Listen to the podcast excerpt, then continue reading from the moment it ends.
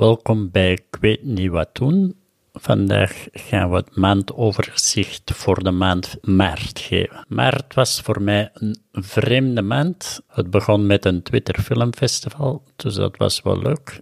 Maar enkele dagen nadien heeft Rossi ook COVID gekregen, dus moesten we tien dagen isoleren. Nog een beetje later was er een aardbeving. Dat was ook niet zo leuk. En de hele maand was er uitzonderlijk veel regen in Ecuador. En met uitzonderlijk veel bedoelen we dan dat de helft van de wegen afgesloten wordt, omdat een deel van de bergen naar beneden komt. Het eind van de maand ben ik dan ook nog teruggereisd naar België, waardoor ik nu 10.000 kilometer van de laatste plaats ben waar ik de opname gedaan heb. Van Machala in Ecuador ben ik nu in Herentals in de Kempen, zoals je ongetwijfeld al wel aan mijn accent gehoord had. Maar we beginnen met de podcast. van de maand. We beginnen traditioneel met de tip van de maand. En de tip van deze maand is: doe eens mee aan een Twitter Filmfestival. Elk jaar begin maart eh, organiseert de podcast F This Movie. Een podcast die ik ten sterkste kan aanbevelen trouwens.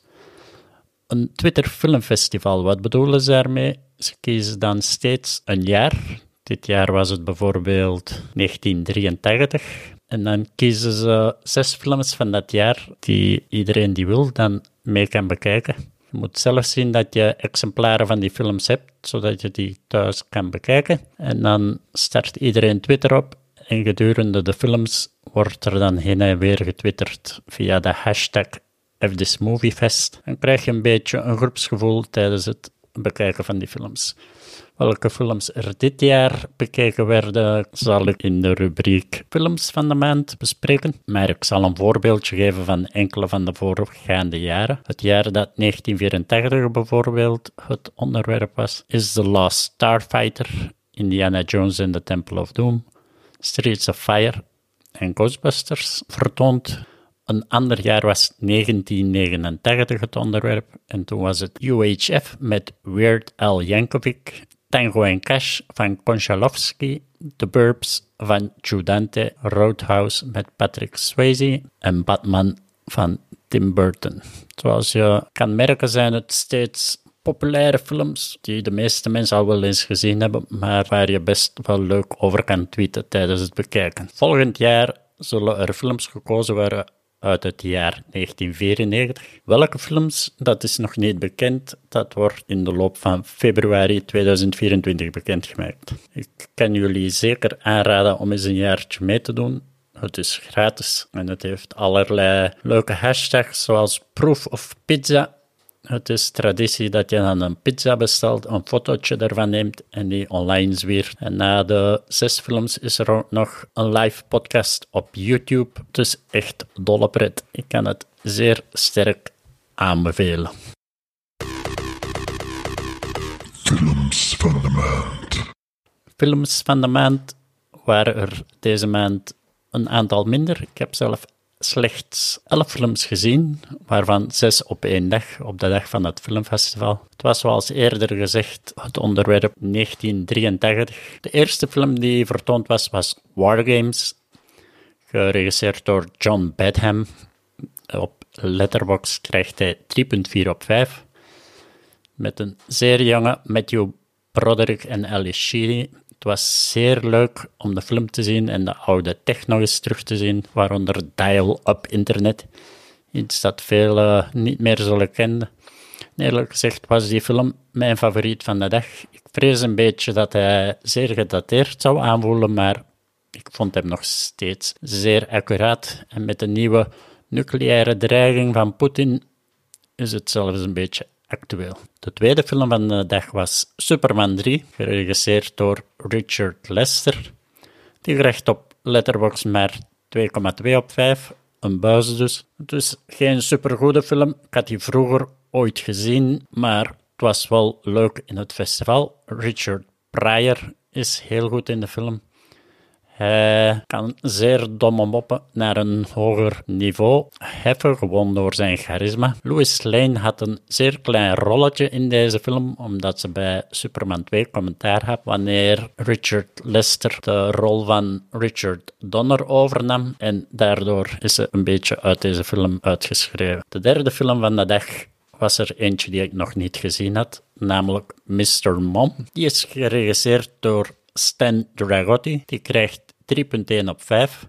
Hij was de favoriet van veel van de twitteraars, maar persoonlijk was ik niet de grootste fan. Ik denk dat het een film is, als je die niet in de jaren 80 gezien hebt, op jonge leeftijd, dat hij niet noodzakelijk overeind blijft. Het is een beetje gedateerd. Een zeer jonge Michael Keaton wordt verplicht huisvader te worden, terwijl Terry Gar zijn rol in de zakenwereld moet overnemen.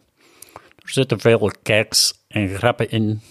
Veel mensen zijn van, persoonlijk was ik niet de grootste fan. Dan de derde film was Crawl, geregisseerd door Peter Yates. Die krijgt 2,9 op 5 op Letterboxd. Yates kennen we onder andere van The Deep, Bullet, Eyewitness. Maar deze film hoort niet onmiddellijk thuis in dat rijtje. Ik zou durven zeggen dat van deze film mijn schaamhaar een beetje begon te krullen. Het is een zeer imaginatief verhaal, maar een beetje knullig op het scherm gebracht.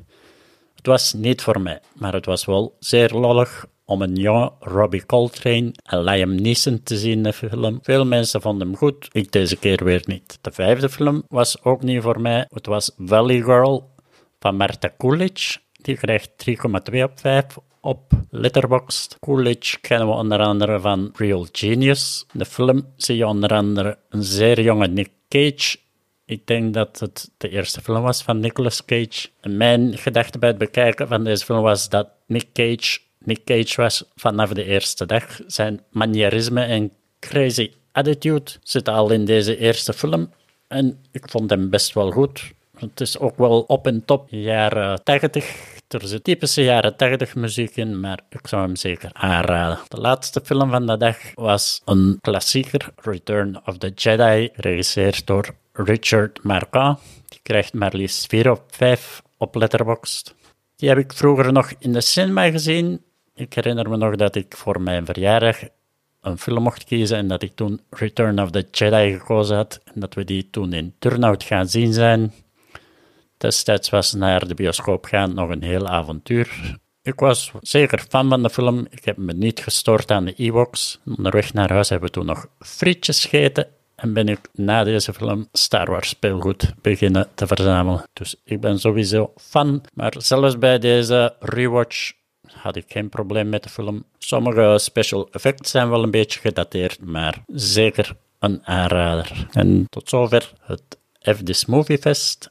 Nadien heb ik nog enkele films gezien, niet zoveel meer. Waaronder Missing, een film uit 2023, geregisseerd door Nicholas Johnson en Will Merrick. Zij waren de editors van de Searching film van enkele jaren terug. Dat was een film die zich eigenlijk volledig op internet afspeelde. Je ziet eigenlijk alles via de laptop en via online camera's van het hoofdpersonage. In Searching was een vader op zoek naar zijn dochter en deze keer is een dochter op zoek naar haar moeder. Het is een leuke film, alleen de landing lukt niet helemaal. Het is niet hetzelfde niveau als Searching. Die was een van mijn top 5 films van het jaar dat ik die gezien heb. Maar zeker een aanrader. En als je de film goed vond, zou ik zeker willen aanraden om op YouTube eens te zoeken naar een filmpje over de making-of van deze film. Daarin leren we onder andere dat voor ze begonnen te filmen, dat ze een volledige previs, dus een previsualisatie gedaan hebben door de editors. Dus die hebben zelf stukjes gefilmd met zichzelf in plaats van de actors en alles. Dus ze hadden eigenlijk al een gemonteerde film voor ze begonnen te filmen, die goedgekeurd was door de regisseur. En dan was het eigenlijk alleen nog de zaak van stock footage,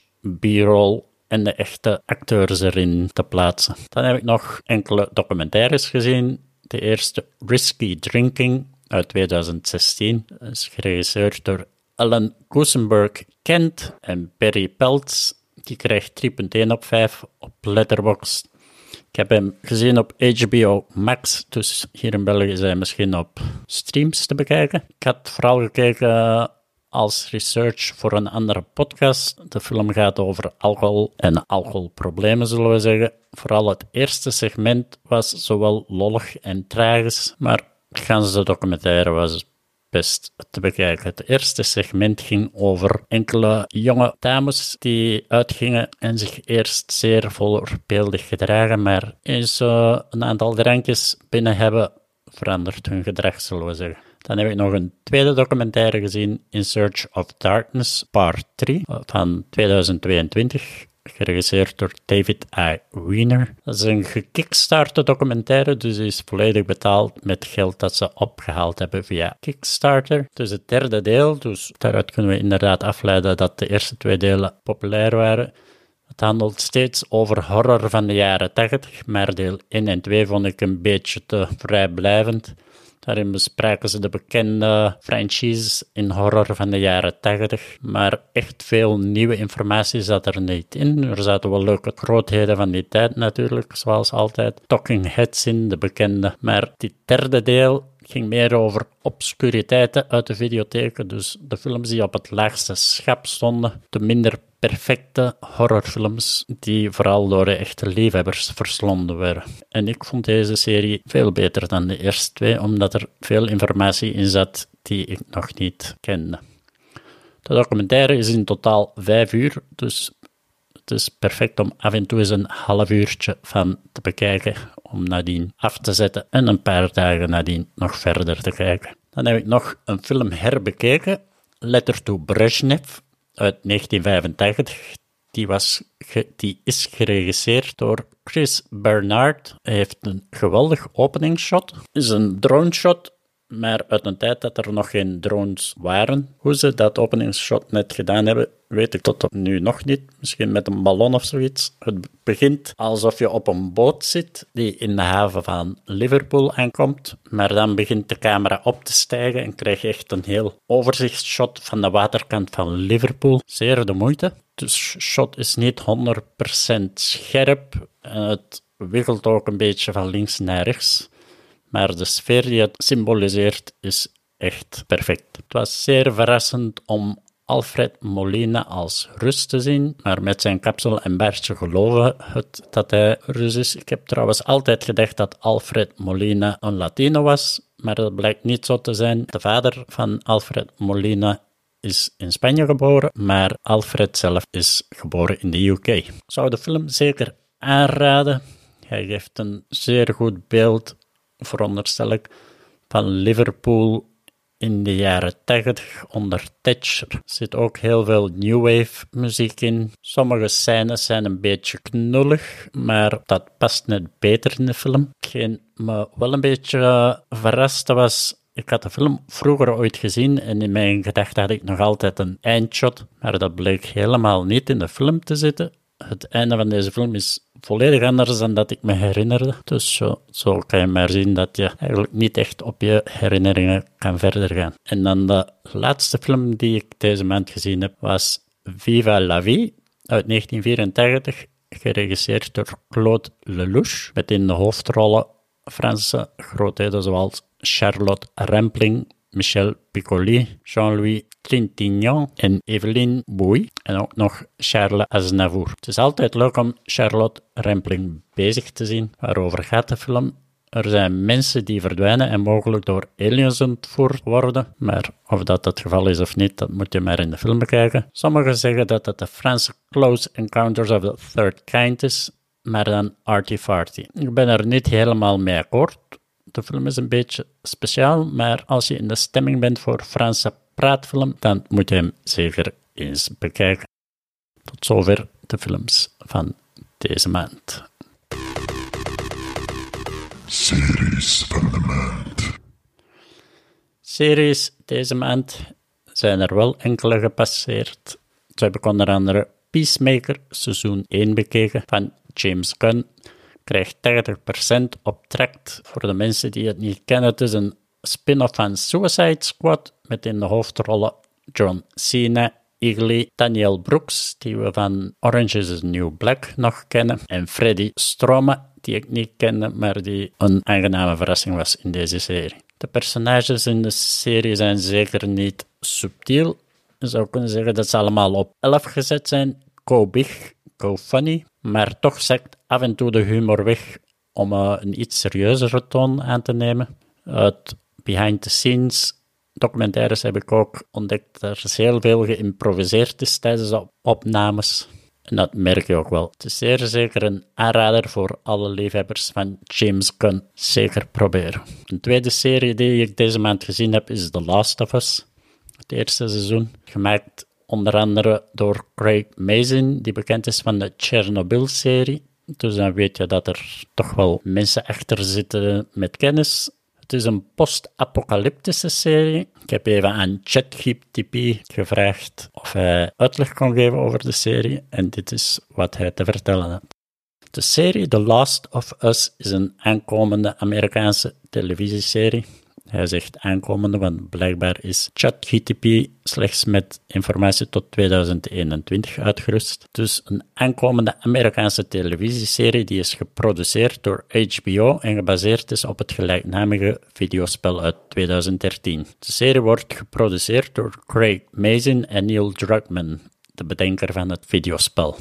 De serie speelt zich af in een post-apocalyptische wereld die verwoest is door een gevaarlijk virus dat de meeste mensen heeft gedood en andere heeft veranderd in geïnfecteerde wezens die bekend staan als The Infected. De serie volgt de avonturen van Joel, gespeeld door Pedro Pascal, een ruige overlevende, en Ellie, gespeeld door Bella Ramsey, een jong meisje dat immuun is voor het virus. Samen proberen ze te overleven in een wereld vol gevaren en obstakels terwijl ze op zoek zijn naar een groep overlevenden die bekend staat als de Fireflies, die mogelijk een manier hebben gevonden om het virus te genezen. Tijdens hun reis worden Joel en Ellie geconfronteerd met zowel menselijke als geïnfecteerde vijanden, evenals andere overlevenden die soms net zo gevaarlijk zijn als de wezens die door het virus zijn veranderd. De serie belooft een intense en emotionele verkenning te zijn van overleving, opoffering en de band tussen Joel en Ellie, terwijl ze proberen te overleven in een wanhopige wereld. Dan zegt hij nog dat de serie momenteel in ontwikkeling is, maar dat is natuurlijk achterhaald. De serie kreeg zeer goede reviews overal online, dus heb ik die samen bekeken met mijn vrouw. De eerste twee episodes vond ik niet slecht, maar ik was nog niet helemaal gegrepen door het verhaaltje. Ik heb het spel nooit gespeeld, want ik kan geen shooters doen op consoles. Ik ben een PC-shooter. Dus de eerste twee episodes zat ik er niet in, maar vanaf aflevering 3 viel alles op zijn plaats en was ik volledig geïnvesteerd. Aangezien er twee spellen zijn, veronderstel ik dat er ook een tweede seizoen zit aan te komen. En daar ben ik zeer hard op aan het wachten een grote aanrader. Dan hebben we ook nog Superstore seizoen 3 gezien. Meer van dezelfde kolder als de eerste twee seizoenen en een even grote aanrader. Zeer luchtig entertainment, korte aflevering, perfect om even stoom af te laten s'avonds. Dan heb ik ook op Netflix nog de documentaire Waco American Apocalypse gezien, een documentaire van dit jaar, 2023. Ik herinner mij de gebeurtenissen nog van vroeger, van in 1993. Moest je het verhaal niet kennen, dan ga ik het hier niet uit de doeken doen. Dan is het beter dat je dat in de documentaire ontdekt. Als je het verhaal wel kent, dan blijft het toch wel interessant voor een zeer uitgebreide kijk achter de schermen van wat er gebeurt, zodat je meer informatie krijgt en niet enkel de feiten die we kennen uit het nieuws. Een grote aanrader. Dan heb ik ook nog één aflevering van Wednesday gezien. ook een andere Netflix-serie. Krijgt 78% op tract, maar ik was niet echt in de stemming. Kon niet lachen met de humor van de serie. Technisch dat zag het er wel zeer goed gemaakt uit, maar voor mij iets te artificieel. Ik denk dat ik iets te veel Tim Burton gezien heb en dat ik uh, een tijdje geen Burton meer nodig heb. Ik ga misschien toch nog enkele episodes de kans geven om te zien of ik erin kom maar de eerste episode was voor mij niet onmiddellijk een aanrader. Wat wel een aanrader is, is de serie Undercover. Het is een Vlaams-Nederlands co-productie. Ik heb het eerste seizoen gezien op het vliegtuig. Ik had ze op mijn iPad gezet voor de tien uur durende vlucht. Het is een serie met Tom Waas in een van de hoofdrollen. Het zijn weerom vrij groot gespeelde personages, maar in een beheerste beeld- en montagestijl. Het zijn leuke personages, meeslepend verhaal. Ik heb het bijna volledig uitgekeken op die vlucht. Had nog twee afleveringen die ik de dag dat ik thuisgekomen ben bekeken heb. Het begint allemaal zeer geloofwaardig. Wederom, op het einde wordt het iets minder geloofwaardig, maar het is naar het schijnt op waar gebeurde feiten gebaseerd. Dus dat is misschien de reden waarom het ongeloofwaardig is, want in het echt is alles meestal ongeloofwaardiger dan in de fictie. Zeker een Ik ben ondertussen begonnen aan het tweede seizoen en tot nu toe vind ik het nog steeds leuk. Dan de laatste serie die ik bekeken heb in maart is 1985, een reeks over België in de jaren 80 en de omstandigheden waarin de bende van Nijvel kon bestaan. Ik denk dat deze serie vooral interessant is voor mensen die de Bende van Nijvel al kennen. Er zitten heel veel verwijzingen naar allerlei aanverwante zaken en personen in de serie. En het is leuk als je die ziet verschijnen en, dat je, en als je denkt, hé, hey, daar heb ik al over gelezen. Wil je meer weten over de Bende van Nijvel, dan kan je naar de podcast van de Kroongetuigen over de Bende van Nijvel luisteren. Of als je toegang hebt tot het archief van oude humo's, herinner me nog dat daar destijds zeer veel interessante artikels in de humo stonden over de Bende van Nijvel. Boeken van de maand. Boeken van de maand gaat zeer kort zijn deze maand. Ik heb namelijk geen enkel boek gelezen. Ik denk een vijftigtal bladzijden in It. Ik dacht die te herlezen, maar het is er uiteindelijk niet van gekomen. Ik ga hem zeker nog wel verder lezen, want er waren dingen in het boek die niet in de film komen en die ik vroeger gelezen had, maar ik was ze allemaal vergeten. Dus ik ga dat ongetwijfeld nog wel een kans geven. Podcasts van de maand. De nieuwe podcasts van deze maand. De eerste is Cinepraatjes van Cinemaatjes. Een podcast over film, gemaakt door twee Nederlanders uit Tilburg. De podcast en de twee Nederlanders zijn zeer vlot, energiek en leuk. Ik heb ook ontdekt dat een van mijn jingles zeer hard op die van hun trekt, dus blijkbaar ben ik niet echt origineel met mijn jingles. Ze hebben ook een YouTube-kanaal, dus als je eens wilt zien films recenseren, dan kan je naar hun YouTube-kanaal gaan kijken. Ik dacht dat het nog jonge gasten waren, maar ze zitten eerder rond mijn leeftijd, heb ik ontdekt op het YouTube-kanaal. Een tweede podcast die nieuw was voor mij deze maand was Cult Movies Podcast, een Engelstalige filmpodcast door Anthony King. Hij is ook afkomstig uit de het F This Movie entourage. Ik begin te vermoeden dat F This Movie een beetje is zoals de Sex Pistols. Iedereen die hen ooit gezien of beluisterd heeft, is uiteindelijk zijn eigen podcast begonnen. Er zijn minstens 15 volgens mij podcasts waarvan de makers origineel tot de F This Movie fanclub behoorden. Maar deze dus, Cult Movies podcast, behandelt vooral cultfilms en jaren 70 films, dus iets minder actuele films, maar oudere. En is een aanrader voor de liefhebbers. En een laatste podcast die ik deze maand nog beluisterd heb was La Croix, Ik was gangster. Gemaakt door de Standaard.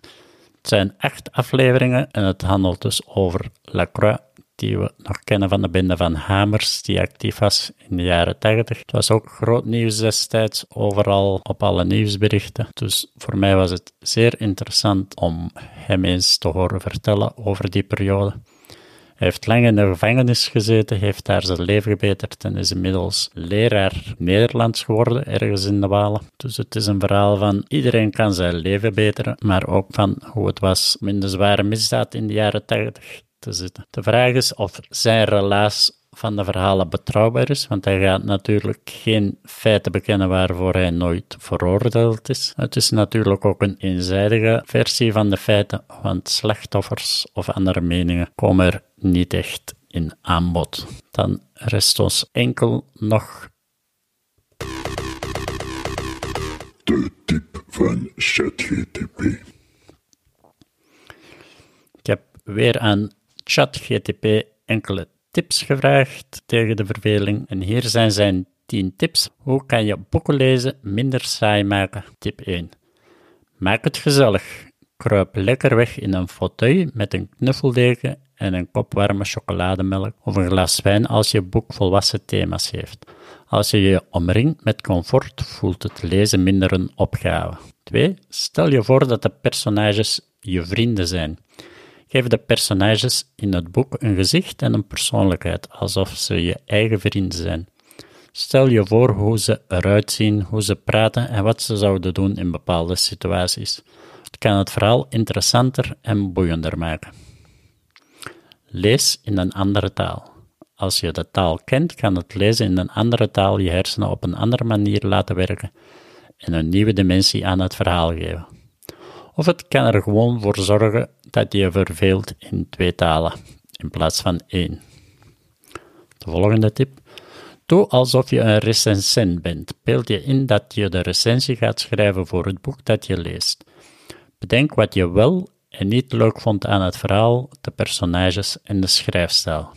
Het geeft je een doel en zorgt ervoor dat je kritisch blijft. En ook lees passages voor aan een huisdier. Huisdieren oordelen niet over je leesvaardigheid en luisteren altijd naar je. Lees passages voor aan je hond, kat of hamster en kijk of ze geïnteresseerd zijn. Luister naar de audioboekversie. Als je geen zin hebt om te lezen, probeer dan eens een audioboek.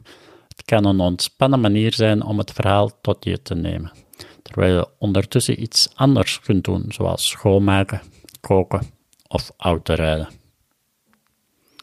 Verander van omgeving. Soms kan een nieuwe omgeving je leeservaring verbeteren. Ga naar een rustige plek buiten, zoals een park of strand, of lees in een café of bibliotheek. Een nieuwe omgeving kan zorgen voor nieuwe inspiratie en concentratie.